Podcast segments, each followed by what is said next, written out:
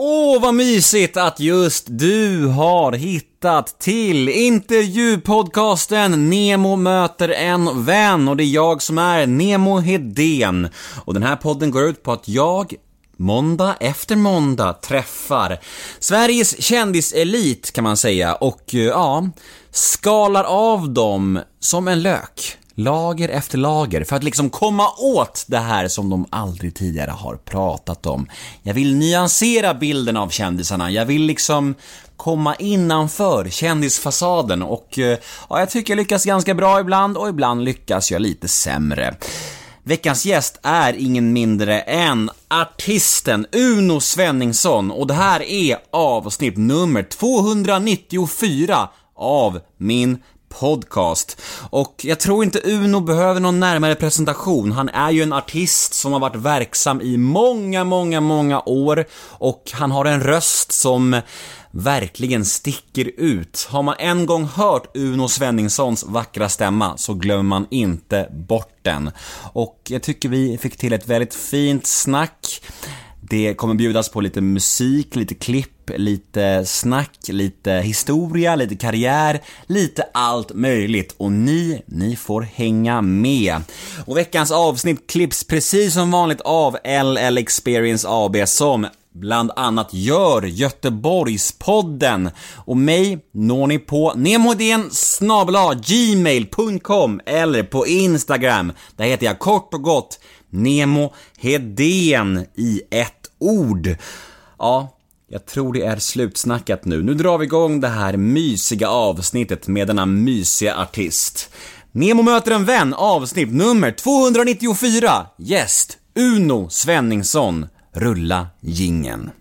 Nemo är en kändis, den största som vi har. Nu ska han snacka med en kändis och göra någon glad. Ja! Nemo,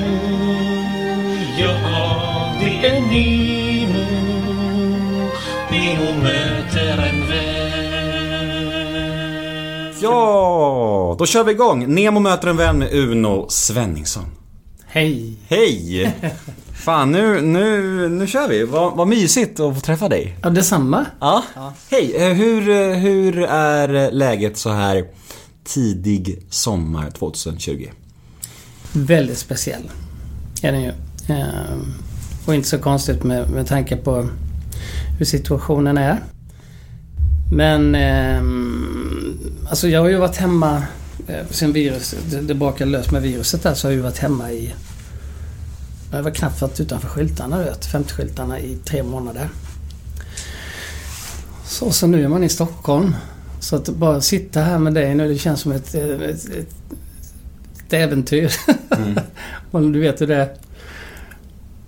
Men eh, jag skulle ju spelat en massa i sommar. Jag skulle ju... Eh, ja, turnerat juni, juli, augusti. Allting är ju borta. Mm. Så istället så eh, kommer jag skriva massa nytt. Hålla på med det. Och eh, hemma mycket. Kommer jobba mycket i, med hus och trädgård. Sådana grejer. Sånt som man inte hunnit med. Det är lite avstressande också det här. Mm.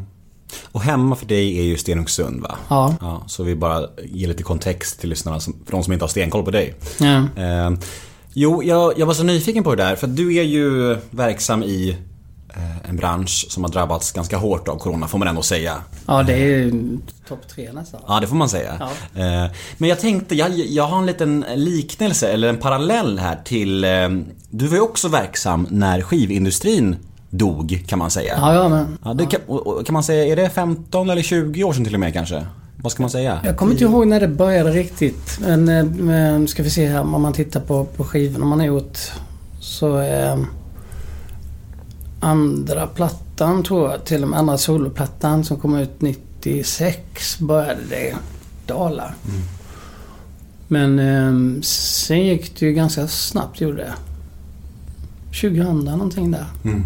Då började det verkligen. För jag tänker så här, när skivindustrin började dala så fick artister överlag försöka hitta mm. liksom andra sätt att eh, få in pengar kan jag tänka mig. Och att ja, det blev mycket fokus på live-gig då. Ja, det var där det. pengarna kom in. Amen. Och nu faller ju live-gigen bort. Ja. Ett tag i alla fall. Jag vet inte hur länge, men, men ett tag i alla fall. Ja. Uh, Så det blir som en slags liknande scenario men, en, men det andra benet faller liksom bort. Ja, sen tjänar ju Spotify, det tjänar ju inte så mycket på det här. Nej. Det är ju en, eh, ett skämt egentligen. Vad ska, vad ska ni försörja er på närmsta tiden? Ja du, jag har en liten buffert men det räcker ju inte sådär... Jag vet inte hur länge det kommer räcka. Um, huvudsaken är att man får vara frisk givetvis. Pengar bara pengar. Men... ehm, Men finns det några idéer eller hur, hur tänker artister överlag just nu tror du? Vet du? Ja, men det, så man måste ju få hjälp i så fall. Om det, skulle, om, om det blir så att det, det, det här håller på året ut och ja det gör det ju givetvis men och även nästa år. Um, får man ju sitta, man har ju förlag, man har ju skivbolag, man kanske kan göra någonting där. Ehm, sen vet jag inte om man kanske kan göra några streamingspelningar, att man gör till exempel att du, det är ett gig som du hade på något ställe och så gör stället en spelning ändå. Mm. Fast man gör det med, som en streaminggrej då. Och så kan folk få betala om de vill då. Mm. Eller jag vet inte. Känner du oro? Eh, lite. Mm. Ja. Faktiskt. Nu är jag ganska mm, sorglös själv. Jag går inte omkring och tänker på det. Nej. Jag fattar. Eh, och just nu eh, är du på en exotisk tur till Stockholm kan man ju säga då. Ja. eftersom att det är första turen på ett tag. Få åka tåg liksom. Vilken grej, träffa människor. Ja. Träffa journalister. Ja, wow. Eh, Hur länge är du i Stockholm en sån här sväng och hur ser en sån här PR-trudelutt ut oftast? Ehm, det, ja, det brukar börja med morgon-TV. Ehm, och det är ju tidigt upp. Och sen så eh, var det ju lite ledigt igår då. Så att... ehm, men annars är det ju liksom löpande band, grej. Träffa dig. Du, det, det första jag gör idag är att träffa dig. Mm. Mm. Uppskattar det så att du är pigg och fräsch och inte helt urvattnad Nej då. sen. För det kanske du är i eftermiddag, jag vet inte. Nej, det, det, det. Det, går, det går ganska fort. Det går jätt.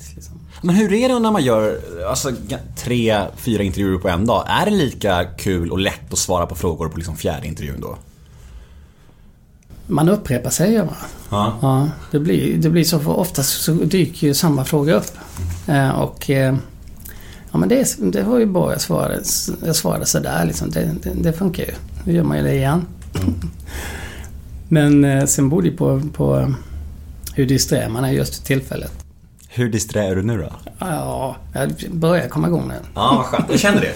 Vad härligt. Du, ehm, jag har faktiskt en liten eh, anekdot om Stenungsund som jag tänkte, tänkte dra för dig. Jag har en relation till den här stan, Ja, ja. faktiskt. Det, här är, det här är lite sorglig historia kan jag säga. Okej. Men 2009 så blev jag kär i en tjej från Stenungsund eh, när jag jobbade utomlands. Jag träffade en tjej som var därifrån och jag jobbade utomlands nere i Bulgarien hela sommaren. Ja. Och, så, och så, så, så, lämnade jag mitt utomlandsjobb för den här tjejen för jag blev så kär i henne. Ja. Hon var bara en turist liksom. Hon åkte hem och jag följde med henne hem några dagar senare. Liksom. Ja. Och när jag väl kom hem till henne i Stenungsund så sa hon att hon hade ångrat sig. Hon, hon ville inte alls att jag skulle följa med. Så jag åkte alltså hem från Bulgarien till Stenungsund för kärleken. Och när jag kom dit så, så var jag inte välkommen. Oh, En mörk historia. det var en mörk historia. Nästan en låt. Ja, men det är fint i Stenungsund. Jättefint, Ja, verkligen. Ja. Och nu ska inte det här samtalet handla om mig. Men jag kom att tänka på den historien när jag hörde var du var ifrån. Ja, ja, ja. Då är du ju en av få som vet var Stenungsund ligger också. För många undrar var det ligger. Man Mm. pratar om just Stenungsund. Och det här med jag blir kär utomlands och få för sig saker om att bara nu det här är mitt livs kärlek. Så var det bara en jävla... Vad jobbar du med där då? Nej, men jag jobbade, du vet, ung och dum, bartender på en charterort. Ja, ja, ja. ja. Och, och träffade en turist som jag blev kär i. Skulle följa efter henne hem, liksom överraska henne. Bara, nu ska vi... Och då var ju... Och, och, och, alltså jag för henne var ju bara en sommarflört liksom. Ja, ja, ja. Men jag trodde ju att det var liksom... Det var på Riktigt. Ja, det var inte det. Eh, Men det fick jag lära mig den hårda vägen. Ja. Ja. Men nog om mig, känner jag. Du, ehm... Jo, men sen undrar Nej, det var... Ja, precis. Ja, fråga på. Vad vill du veta mer? Vill du veta vad hon heter? Nej, gud. Det hade varit så hemskt om det var någon så här familjekompis till er. Ja, ja, ja. Jag har fått skämmas ännu mer. Ehm, du, vi ska lägga en liten lek som jag väljer att kalla för associationsleken. Eh, känns det okej? Ja. Ja. Första ordet då i den här associationsleken eh, lyder uppväxt. Jag är uppväxt i Småland i en liten by som heter Hagelstorp. Ligger utanför Gnosjö. Kvinnorna bestämde sig för att skaffa barn samtidigt för att man skulle få kompisar och sådär. Så det var 25, då tänker jag på alla mina barndomsvänner. Det var, det var 25 ungar i den här lilla byn. Det var lite vanlig Bullerby du vet. Och, och tidsspannet mellan äldsta och yngsta var kanske 10 år bara.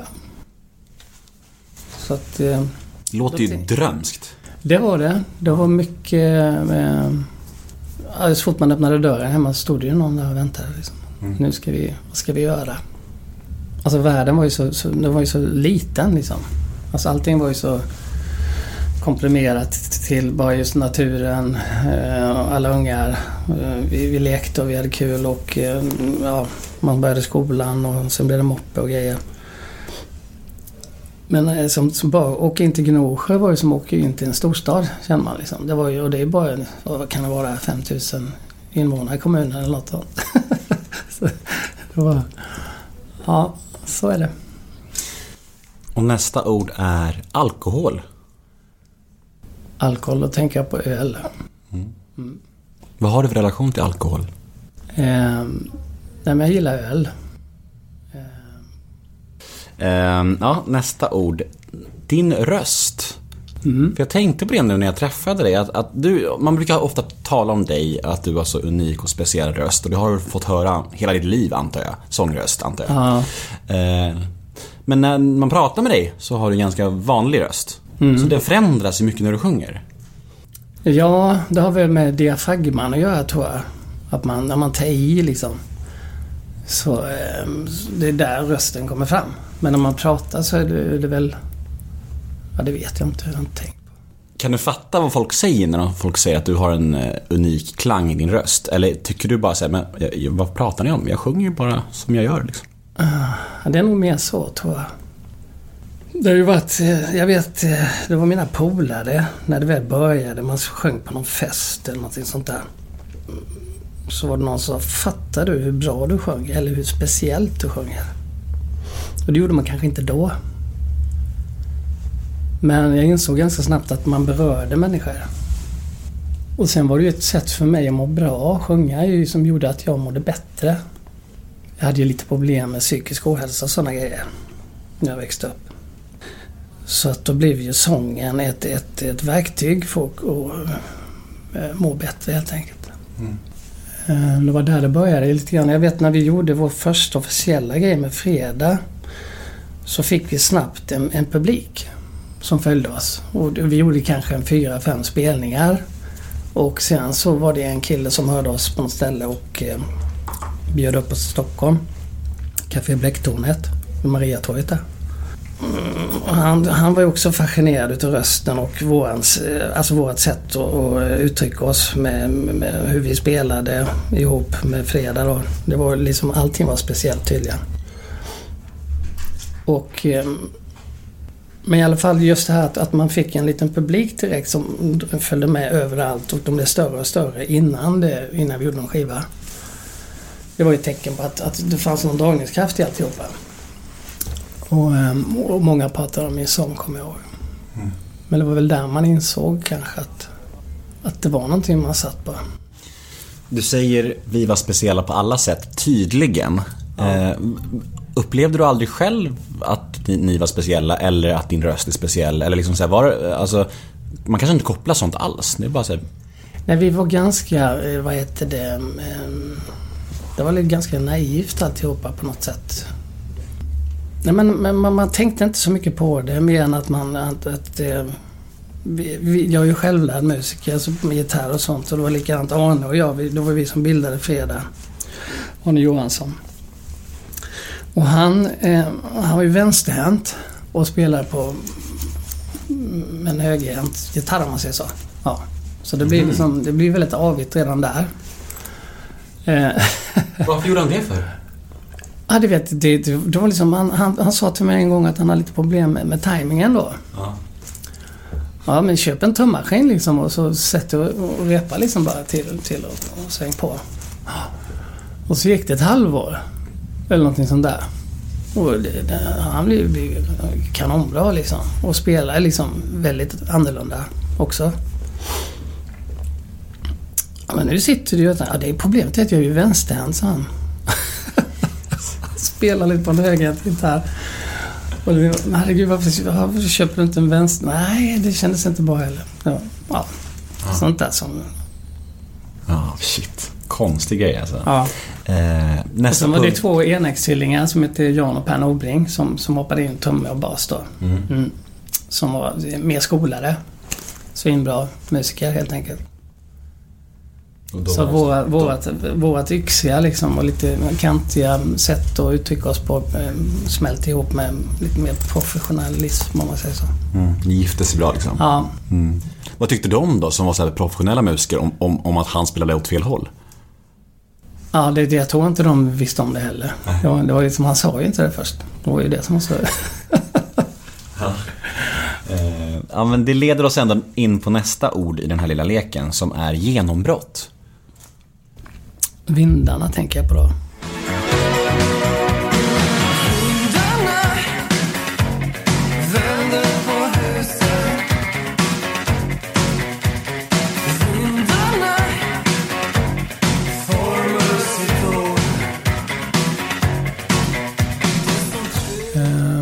Första skivan gick ju Vindarna i en låt alltså. Mm, Kom ut 86. Det var det året som Final Countdown kom ut också. Det var väl de två låtarna som gick där. Den var något större i och för sig då. Men eh, då slog vi igenom. Vi, vi hamnade på sommartoppen hette det. Först två eller tre, sen etta hela, hela sommaren då. Och eh, där fick ju svenska folket upp ögonen för oss kan man säga. Hur minns du den tiden då med att liksom gå till eh, att bli en liksom offentlig person, att bli lite känd och så här. Var det någonting som du var bekväm med eller var det någonting som var jobbigt eller var det bara något som du kände tillhörde liksom? Jag tror inte man tänkte så mycket då. Man, man var mer, det man tänkte på var inte just det här med att man blev kändis eller kändisskapet. Utan man tänkte mer på att lyckas med sin musik. Och nå ut och få... Det var då liksom man fick göra sin första turné också. Och så Helene som är med mig då, det är hennes man där. Lars Riksson var det som tog hand, om, han tog hand om oss från US. Mm. Ja, Helene då, för er som inte vet, är en, man får säga lite av en PR-legendar. Ja, säga. faktiskt. Ja. Bland, eh, på den svenska musikscenen.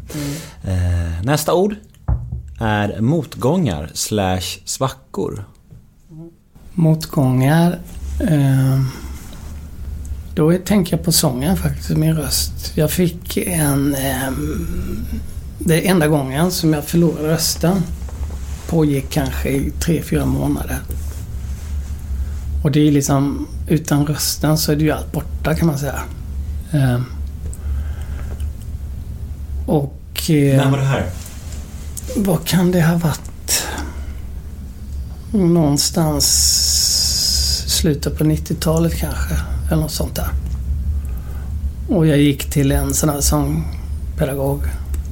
Och som eh, kollade mig och eh, man kunde inte se någonting som var, var lite rött bara. Eller så här.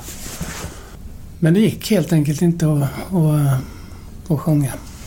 Ehm, men då visade det sig att, att eh, efter ett tag, jag hade bytt, jag är astmatiker och hade bytt medicin. Och man ska alltid, när man tar kortison och sånt, ska man ju alltid skölja hals, halsen och sådär. Eller munnen. Och det gjorde man ju. Men det var den som gjorde det. Så att, eh, och det tänkte inte jag på först. Att det kunde vara något sånt. Dumt nog. Men så jag bytte tillbaka till den gamla medicinen och då, då gick det bara tre dagar eller något. Så så kunde jag sjunga igen. Hur rädd hann du bli i den här perioden? Började du tänka så här, jaha, vad ska jag göra nu då? Jo, jag började fundera på... jag hade ju ingen direkt utbildning. Som verktygstekniker heter det. Det var ju en sån här verktygsmakare. Jag gick... Jag var ju skoltrött. Du hade ingen plan B? Nej, jag hade ingen plan B. Nej. Så att det var ju liksom... eh, Hmm, vad ska jag göra nu? Ja. Men det var, det var väl det jag tänker på först och främst. Nästa är social fobi. Mm. Vad är det för folk som inte vet? Social fobi är, att eh, i vissa situationer blir du väldigt obekväm och rädd. Du känner dig låst i din egen rädsla kan man säga. Det är inget farligt, men det är väldigt obehagligt. Och du känner att du inte kan vara den du är.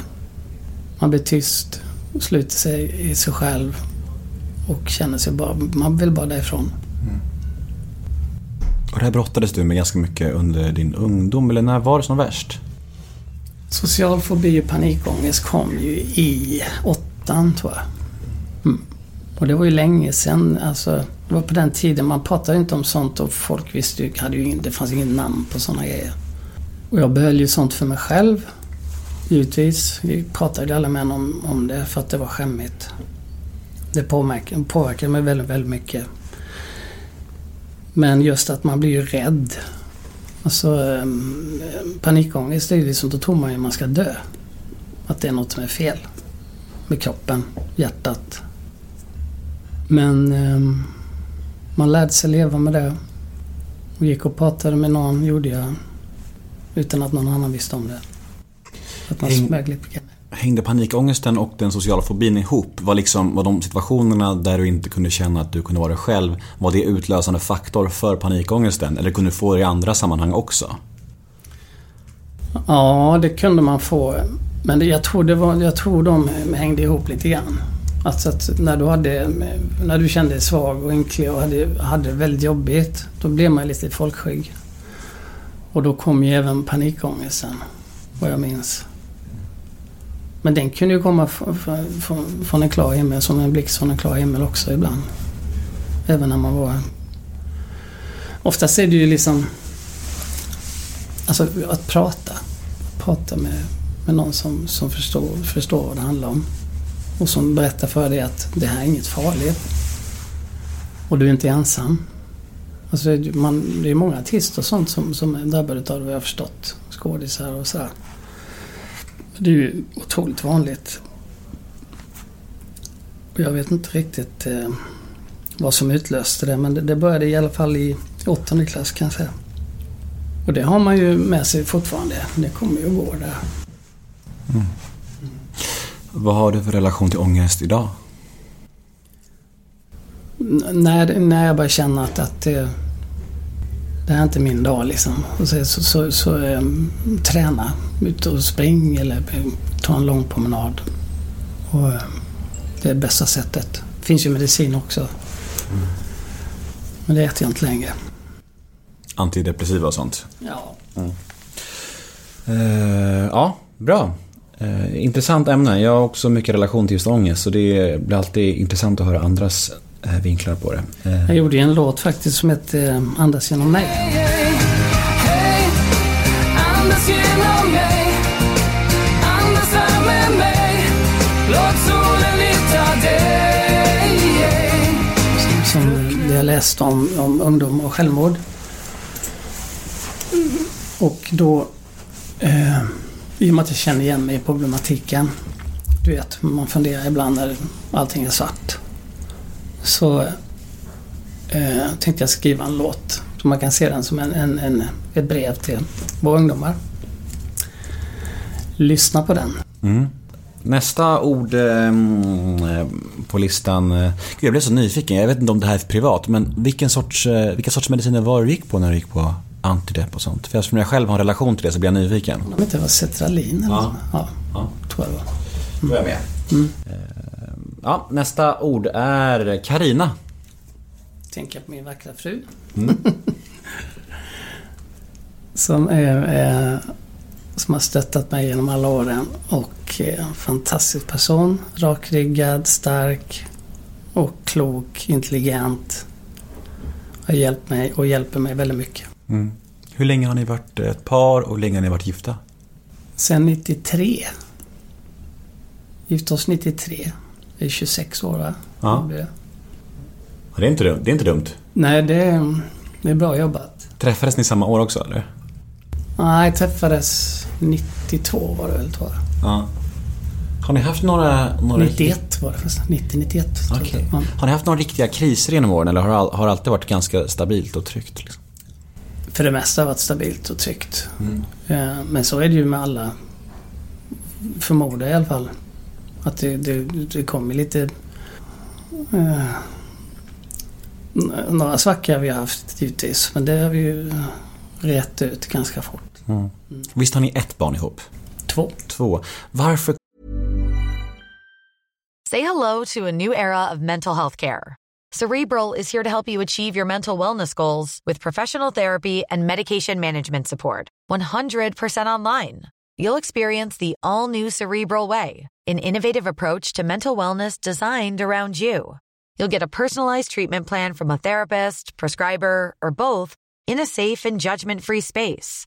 Your cerebral therapist or prescriber will outline a customized plan with clear milestones along the way so you can get to feeling your best. With Cerebral, you're not alone in your mental health journey. We're here to empower you to live a fulfilling life. So take that first step towards a brighter future and sign up today at cerebral.com slash podcast and use code ACAST to get 15% off your first month. Offer only valid on monthly plans. Other exclusions may apply. Offer ends July 31st, 2024. See site for details. kom det bara upp ett barn när jag googlade Uno Svenningsson barn? Ingen aning. Nej, jag skyller på Google då, inte på min dåliga research. Nej. Ehm, Mark, äldsta pojken, han är 26 nu i år. 5 juli fyller han och jag fyller 1 juli. Ja. Och sen har vi lille Joel som tog studenten i måndags. Aha. Mm. Han var annorlunda student kan jag säga. Ja, fy fan. Stackarn. Ja, Var, var han bitter? ja det, var, det, det var just det här med att åka flak, du vet, och, och åka ut och partaja med sina kompisar. Det var väl det som, som sved, tror jag, mest. För det hade han ju, han berättade för mig att, att när han gick på i högstadiet då i Stenungsskolan där så varje, varje sommar såg man ungdomar som tog studenten åkte runt och, skålade med i flaken ballonger och grejer och ja du vet. En dag ska jag göra det också. Så blev det inte så. Så att... Eh, men eh, de får se det som att eh, på något sätt är de ju unikt, en unik årgång också. Verkligen, så är det. Vad tycker om, om, om farsans eh, karriärval? Att farsan är artist och liksom lite känd och så här. Vad, har de någon slags relation till det? Lyssnar de på din musik eller vad, vad tänker de om hela... Att de har, de har varit väldigt avslappnade till det. Och så. Eh, jag menar om jag... Såg du när pappa var med på TV? Har du varit med i TV? Jaha. De bryr sig inte ens? Nej. Och den äldsta pojken han var ju... Var han? Var fem år gammal eller något sånt där. Så- kom jag från dagis och han var väldigt bekymrad och kände sig liksom obekväm på något sätt. Och jag frågade vad är det med dig? Liksom, hade det hänt någonting? Så sa han, jag vill inte bli sjungare när jag blir stor. Sjungare? Ja, sjungare. Sjungare. Fint. Och, ehm, men just den pojken, han... eh, Det var väl någon förälder som sagt skulle bli som pappa, du vet. Och så här. Men eh, just den pojken... eh, Det var väl tre år sedan som han kom fram till mig och sa att han har massa idéer. Ja, sångmelodi i huvudet och du vet. Och jag sa till honom det att men då skaffa lite grejer till dig. Får du, får du det där. Annars blir han, är han som jag blir man knäpp annars liksom. Så att, och han är jätteduktig. Har blivit på de här, det gick så fort. Han hade det i sig du vet. Så det, nu så ska vi jobba ihop. faktiskt. Fan vad kul. Ja, det är roligt. Det Som det kan bli. Har han barn eller? Nej, Nej. Är det någonting du drömmer om och längtar efter barnbarn? det har jag inte tänkt på. Nej, du känner dig en ung och stark. Ja, exakt. Ja. Ja men fan vad, fan vad spännande. Hur är du som farsa annars? Kan man, kan, man, kan man beskriva sig själv som farsa?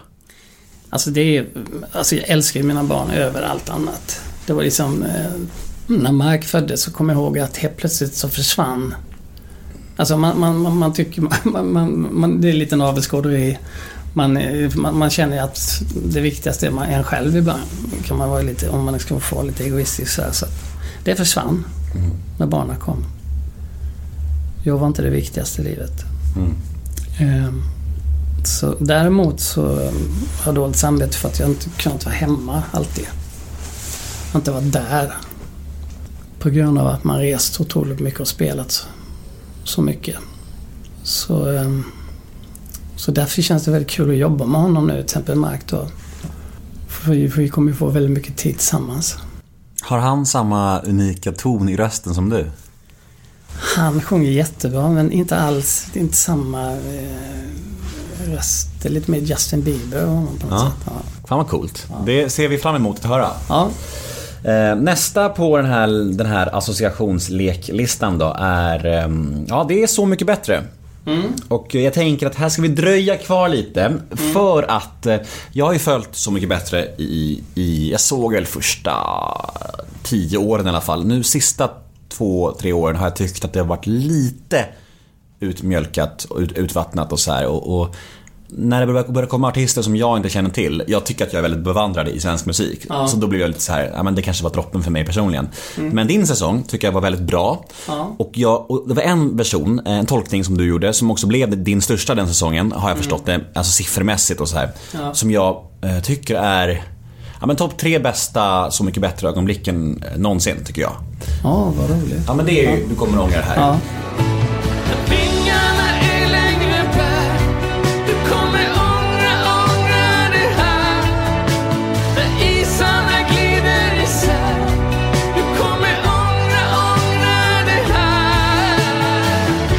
Och, den, och, den, jag skulle vilja höra lite, eftersom jag själv har lyssnat på den så otroligt mycket, den tolkningen. Så vill jag höra lite hur du tänkte när den kom till. Eftersom jag ska nörda ner mig lite nu personligt här. Ja, ja, ja. Eh, kände ni när, när, när ni gjorde den tolkningen att, att det här blev jävligt bra? Eller, eller, eller, när ni framför, eller när du framförde sen, kom det som en överraskning att just den flög så mycket? Förstår du vad jag menar? Ja. Om man börjar med, med eh, när man skulle välja låtar då till eh, så var det ju eh, någon som nämnde just det att, att eh, Anders själv hade önskat att någon skulle tolka någonting från, från hans tid i det här punkbandet Monster. Och då kom det här förslaget upp. Så det kom egentligen inte från mig, förslaget just om denna låten. Jag var inne på en annan låt, jag kommer inte ihåg vilken det var. Men vi bollade fram, jag jobbade mycket med Stefan Olsson som är kapellmästare i, i bandet här. Och så, så ringde han och sa att vi, har en låt här, den, den tror jag skulle passa bra. Och så fick jag ner en liten skiss på den och eh, jag började skriva, översätta och, och eh, tolka. Och jag fick eh, hjälp av min fru och Staffan Hellstam eh, runt, ja så att, ja. Eh, och där, kände jag liksom, det här, det här kan bli riktigt bra. Kände jag. Eh, Den låg, den låg och det blev en väldigt fin text till den tycker jag. Sen att den skulle flyga iväg så. Jag vet att när jag hade samlat ihop alla låtarna man har gjort skisser på dem och lyssnade igenom det så var det den jag lyssnade på mest. För att det var den som jag kände. Men det vet man ju aldrig att, att om, om det, det ska flyga iväg och bli någon kommersiell framgång eller sådär, en hit. Det hade jag ingen aning om. Men jag kände mest för den låten. gjorde jag. Mm. Skönt ändå att ditt omdöme liksom... Ja, ja. Det stämmer. Det stämmer, ja. Ja. Kör du den när du kör live också? Ja. Du gör det? Ja. Fan bra, då vet jag det. Ja. om, jag, om jag ska gå och se dig så, så vet jag det att jag kan, jag kan vänta med den. mig i ditt grepp på tusen skilda sätt. Den vill de höra. Ja, gud. Nej men både jag och min sambo har varit helt, helt förälskade i den och... Eh, nej men jag tycker väl att det är när sånt händer, som i den låten, som Så mycket bättre kommer till sin fulla rätt. Alltså att man, att man faktiskt... eh, När det liksom blir en tolkning som man bara, som bara fäster. Och, och det händer inte så ofta tycker jag. Det, händer, det har kanske hänt fem, sex gånger under de här åren där jag har känt att liksom, så här, fan den här liksom, det här är... Det här Vad roligt att höra. Ja.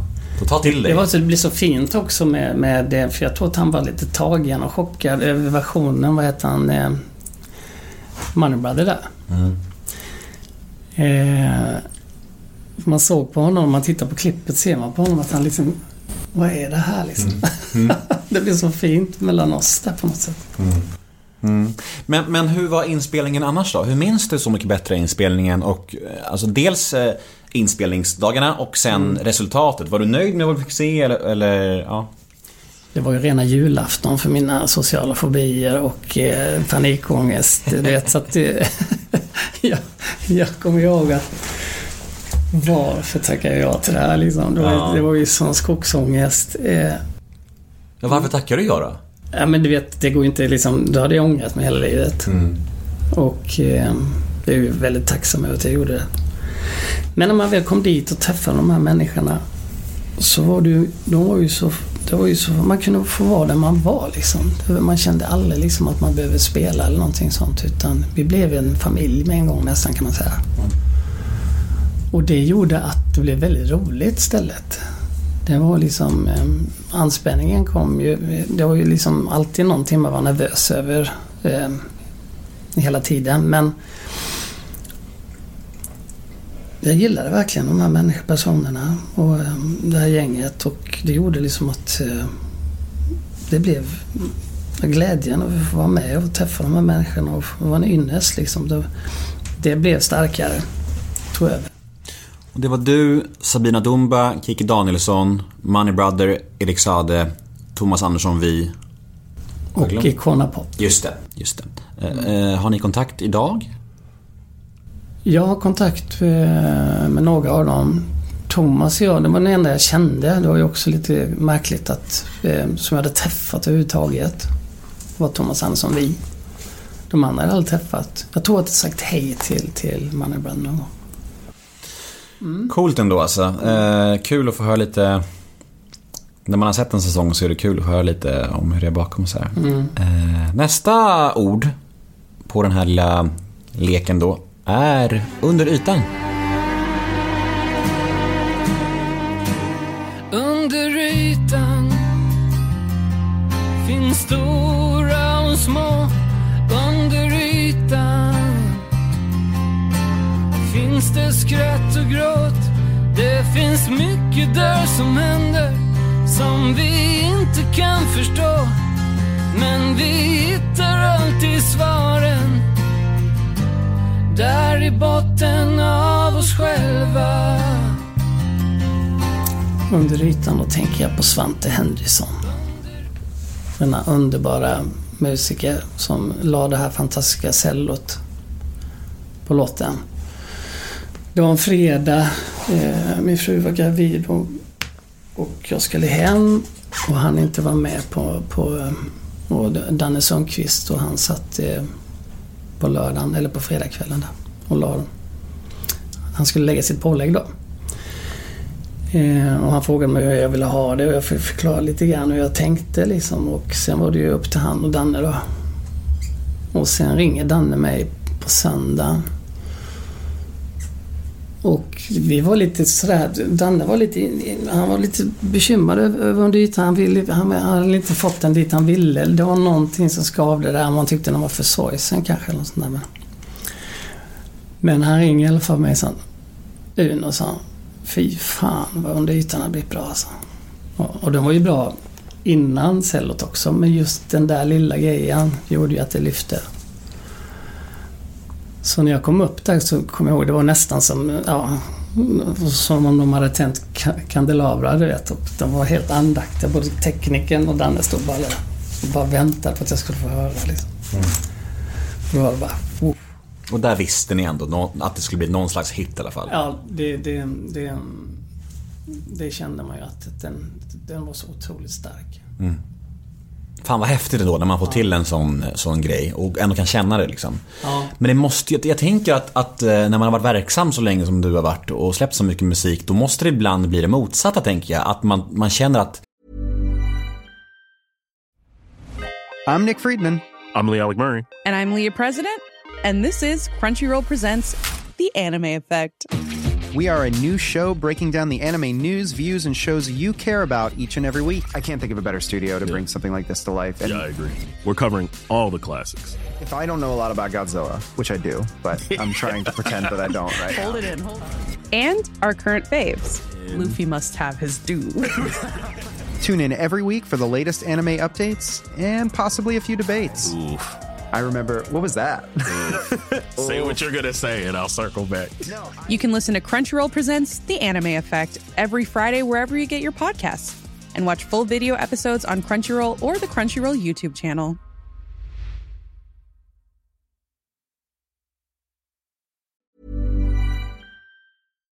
fan det här ska bli en hit och så blir det ingen hit också. Det måste hända ibland. Det, det hände också ja. Ja. ja. Tråkigare, Det är tråkigt. Mycket får man säga. Ja. Ja, det är, det, det är liksom... Och det kan vara också timing-grejer på sådana saker. Att, det, att det inte händer. Det är något annat som händer i musikvärlden just då som spökar till det. Eh, men det har hänt några gånger, det har det gjort. Mm. Nästa ord. Integritet. Ja... Det är väl, då tänker jag på originalitet, liksom att, att man är den man är. Och kanske inte vill... Eh,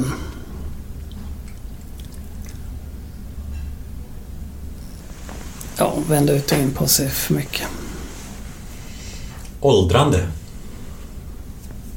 Har nog, det är nog det senaste halvåret som jag börjar tänka på det. Vad tänker du? Att man börjar bli rynkig. och, och liksom... Ja, rör du på dig och eh, om du arbetar med någonting till exempel i trädgården eller lyfter grejer. Ja, du vet. Någonting så kanske det var verkar till någonstans. Sen går det inte över. Häng i liksom någon vecka eller något. Det gjorde det inte innan. Konstigt. Så det, men annars så, så, så tänker jag inte så mycket på det. Jag inte. Men det, det, det är nu den senaste tiden som, som man... Det kan bero på det här med Corona också.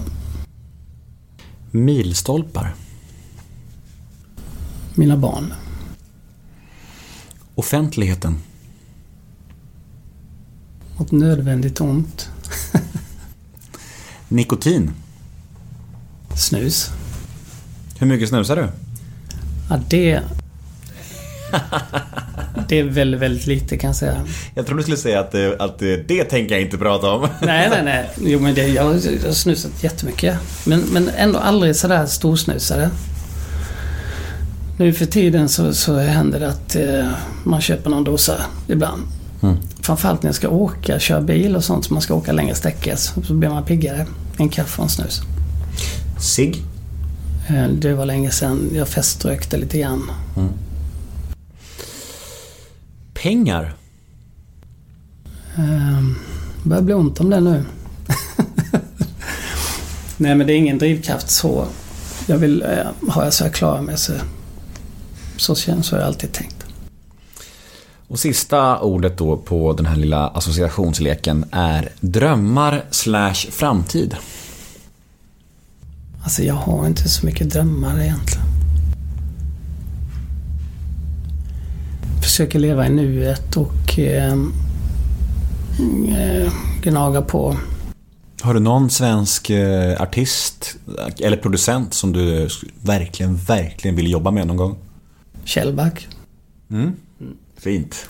Bra svar ändå. Ja. Eh, gick väl bra den här leken, eller hur? Det gick jättebra. Ja, kanon. Du, nu ska vi hoppa på en, ett lite snabbare segment som vi kallar snabbfrågor helt enkelt. Och ehm, ja, vi kör. Paradrätt. Husmanskost. Vad missbrukar du? Kaffe. Vilken egenskap hos dig själv föraktar du mest? Min blyghet. Ångest-trigger. Stress. Vad har du orimligt gott självförtroende inom?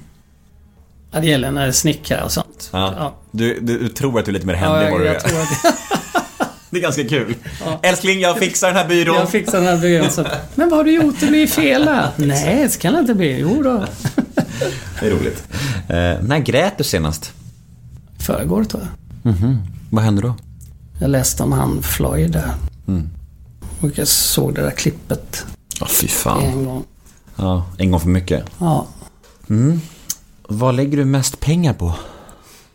Teknikprylar, datorer och sånt kanske. När sa du förlåt senast? Några veckor sedan kanske. Vad oroar du dig för mest? Barnen kanske. Vad tror du andra människor tänker på när de tänker på dig? Och då menar jag både som offentlig person och dina privata kompisar. Ja, det är en skö- sköning. Ja. och sista snabbfrågan då. Vad kommer du aldrig förstå dig på att andra människor tycker om? Det, den här serien, vad heter den? Game of Thrones? Ja, den... Nej, den fattar jag inte. Nej, Det- inte jag heller. Nej, nej, den, nej.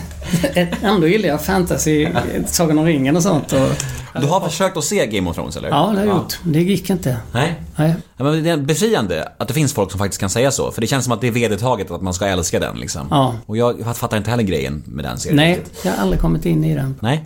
Va, Då slår vi ett slag för att inte fatta Game of Thrones då. Absolut. Ja.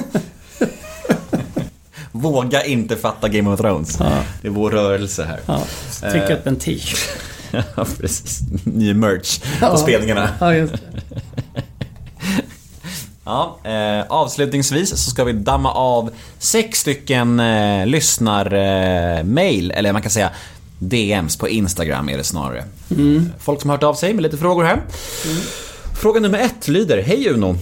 Du har ju ett sånt otroligt speciellt ID i din röst. Har du funderat på att göra reklam någon gång? För det är väl de mest speciella rösterna som man ofta hör i olika reklamer i TV och radio. Då måste man ju sjunga för att det ska bli... Om jag pratar så, så låter man ju som vem som helst. Eh, Det kanske inte personen vet menar jag. De kanske tror att du pratar likadant just som du sjunger. Ja, nej, men det har jag inte funderat på att göra. Jag gjorde ju reklam har man gjort. Alltså, Vågorna var ju till exempel med i Pripps blå reklamen där. Vågorna gungar mig Underbar himmel seglar jag Mm. Och då, ni kan, du gick ändå lite i bräschen. Det var tidigt med reklam får man säga då. Ja, det var sedan. Ja, det var det. Det var ju... Var det Ledin, Tommy Nilsson innan va? Ja. Sen kom den, eller om, om Stefan Andersson gjorde något också. Minns du hur mycket betalt du fick för den grejen? Det minns jag. Ja. Ja. Vill du säga det? Nej. Fan, vad är det med, med, med kändisar och pengar? Att, att aldrig svara. Det är så jävla trist alltså. kan ta den här Säg inte att du tar den när kameran är av, för då kommer mina lyssnare bli tokiga. För varje gång jag säger, vi kan snacka om det sen, då får jag så här fem arga mail från folk som bara Du är så jävla elak! Nej, men jag, säger, jag kommer inte säga det. Ja. Det kommer du göra ändå. Men. Ja, precis. Vi snackar sen. Vi snackar sen. Ja. Sorry, lyssnarna. Eh, lyssnarmail nummer två. Uno, om du fick sätta ihop ett eget special Så mycket bättre. Du med sex andra artister och du får spåna helt fritt nu. Vilka skulle det då vara? Eh, vilka som helst. Att tolka med andra ord. Mauro ju trevligt att tolka. Ta sådana som jag växte upp med kanske. Mm. Lite grann. Eh, Staffan Hellstam. Nu har de ju varit med vissa utav dem också. Eva Dahlgren till exempel. Lisa Nilsson. All, allt sånt som jag växte upp med, om man kan säga, eller som var lite samma andas barn. Mm. Det har varit kul att få ihop. Mauro Scocco, Staffan Hellstrand, Eva Dahlgren, Lisa Nilsson. Två till ska du ha nu. Marie Fredriksson, nu finns hon inte med tyvärr. Men det får du säga, det är okej. Gessle hade varit kul. Ja. Vilken är den bästa Gessle-låten? Jag tycker hans eh, soloplatta där, eh, Här kommer alla känslorna. och- Massarin. Ja, den, den plattan tycker jag är fantastisk. Ja, otrolig. Ja. Otrolig får man Ja. säga. Ja. Eh, sålde väl också 400 000 ex eller något sånt där. Nej den var otrolig. Jag, Som jag, vanligt. ja men, men det känns ändå, alltså just den plattan. Jag är ju inbiten Gessle-lyssnare och det känns som att han har försökt att återupprepa den plattan med många svenska plattor efter. Och det har inte blivit lika bra. Men just Massarin är ju liksom 5 plus. Varenda spår är hur bra som helst. Det är Ja. popklass Ja, ja, rakt igenom. Får- Får man ge honom den gode Per Gessle. Mm. Nu kommer PR-kvinnan som vi pratade om förut. Ja. Helen kommer in. Vi är klara om två minuter. Ja, men nu får du vara med lite. Hon gav tummen upp. Ja, bra. Eh, lyssnarfråga nummer fyra. Hade du ställt upp i Så mycket bättre om du var ekonomiskt oberoende? Jag tror det. Faktiskt. Av ren nyfikenhet. Bra fråga ändå. Ja, det är en jättebra fråga. Absolut. Framförallt är det någon Det som är lite skygg som dig. Nu är det som, har jag aldrig varit ekonomiskt oberoende så jag vet inte hur jag skulle ställa mig till det. Men eh, det är viktigt att man jobbar. Det är viktigt att man utsätter sig för saker som man kanske egentligen inte vågar. Det är också ett bra sätt att hantera eh, panikångest och sociala fobier. Utsätta sig för det. Ja, det är väl oftast det det handlar om va? Ja. Att- Med fobier. Ja. Att försöka gå mot det liksom. Mail nummer fem. Berätta om din lilla sväng med Tommy Nilsson och Patrik Isaksson. Tommy verkar ju vara reko, men Patrik verkar inte helt lätt. Var det kul? Drog ni jämnt hela tiden och har ni kontakt idag? Ja, Patrik och jag har ju kontakt. Han är underbar, härlig människa. Och eh, energifylld. Vi hade faktiskt väldigt roligt. Det var en... Eh, framförallt första... Vi gjorde ju två eh, somrar där tillsammans. Framförallt första vad tycker jag var magisk. Andra så blev det lite mer... Ja, en liten upprepning på, på den sommaren kan man säga. Då, hade man, då visste man liksom... Men ehm, det blev väldigt massa hits. Alltså både Tommy och eh, Patrik har ju några stycken. Och så med mina, mina också. Så det var ju... Det var så skönt. Publiken kunde ju sjunga med varenda låt. Mm. Det var verkligen en, en sånt... Eh, det var faktiskt väldigt roligt. Det blir som ett lite, någon slags Diggiloo nästan, fast Ja, lite ja. Då. Ja, ja. No offense Diggiloo-turnén. eh, Okej, sista lyssnarmailet och poddens sista fråga. Berätta om när den gamla rapartisten Blues samplade dig och använde under ytan-refrängen. Till er som jag skriver för jag vet att ni lyssnar små under ytan som känner bör förstå det var väl ingen sampling? Du sjöng väl in den där, eller hur var det? Ja, De ville jag skulle sjunga på den. Ja. Mm, då ringde jag upp han som, som höll i det, hela den här apparaten. Jag tror det var trummisen i Kaipa. Vad heter han nu igen? Som höll i det. Ja, i alla fall.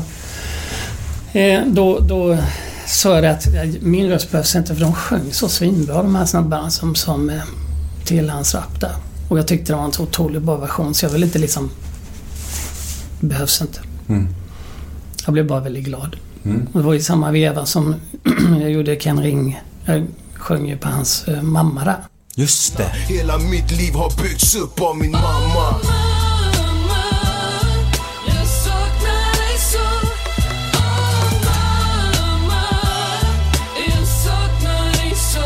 Det var hans genombrottslåt ju.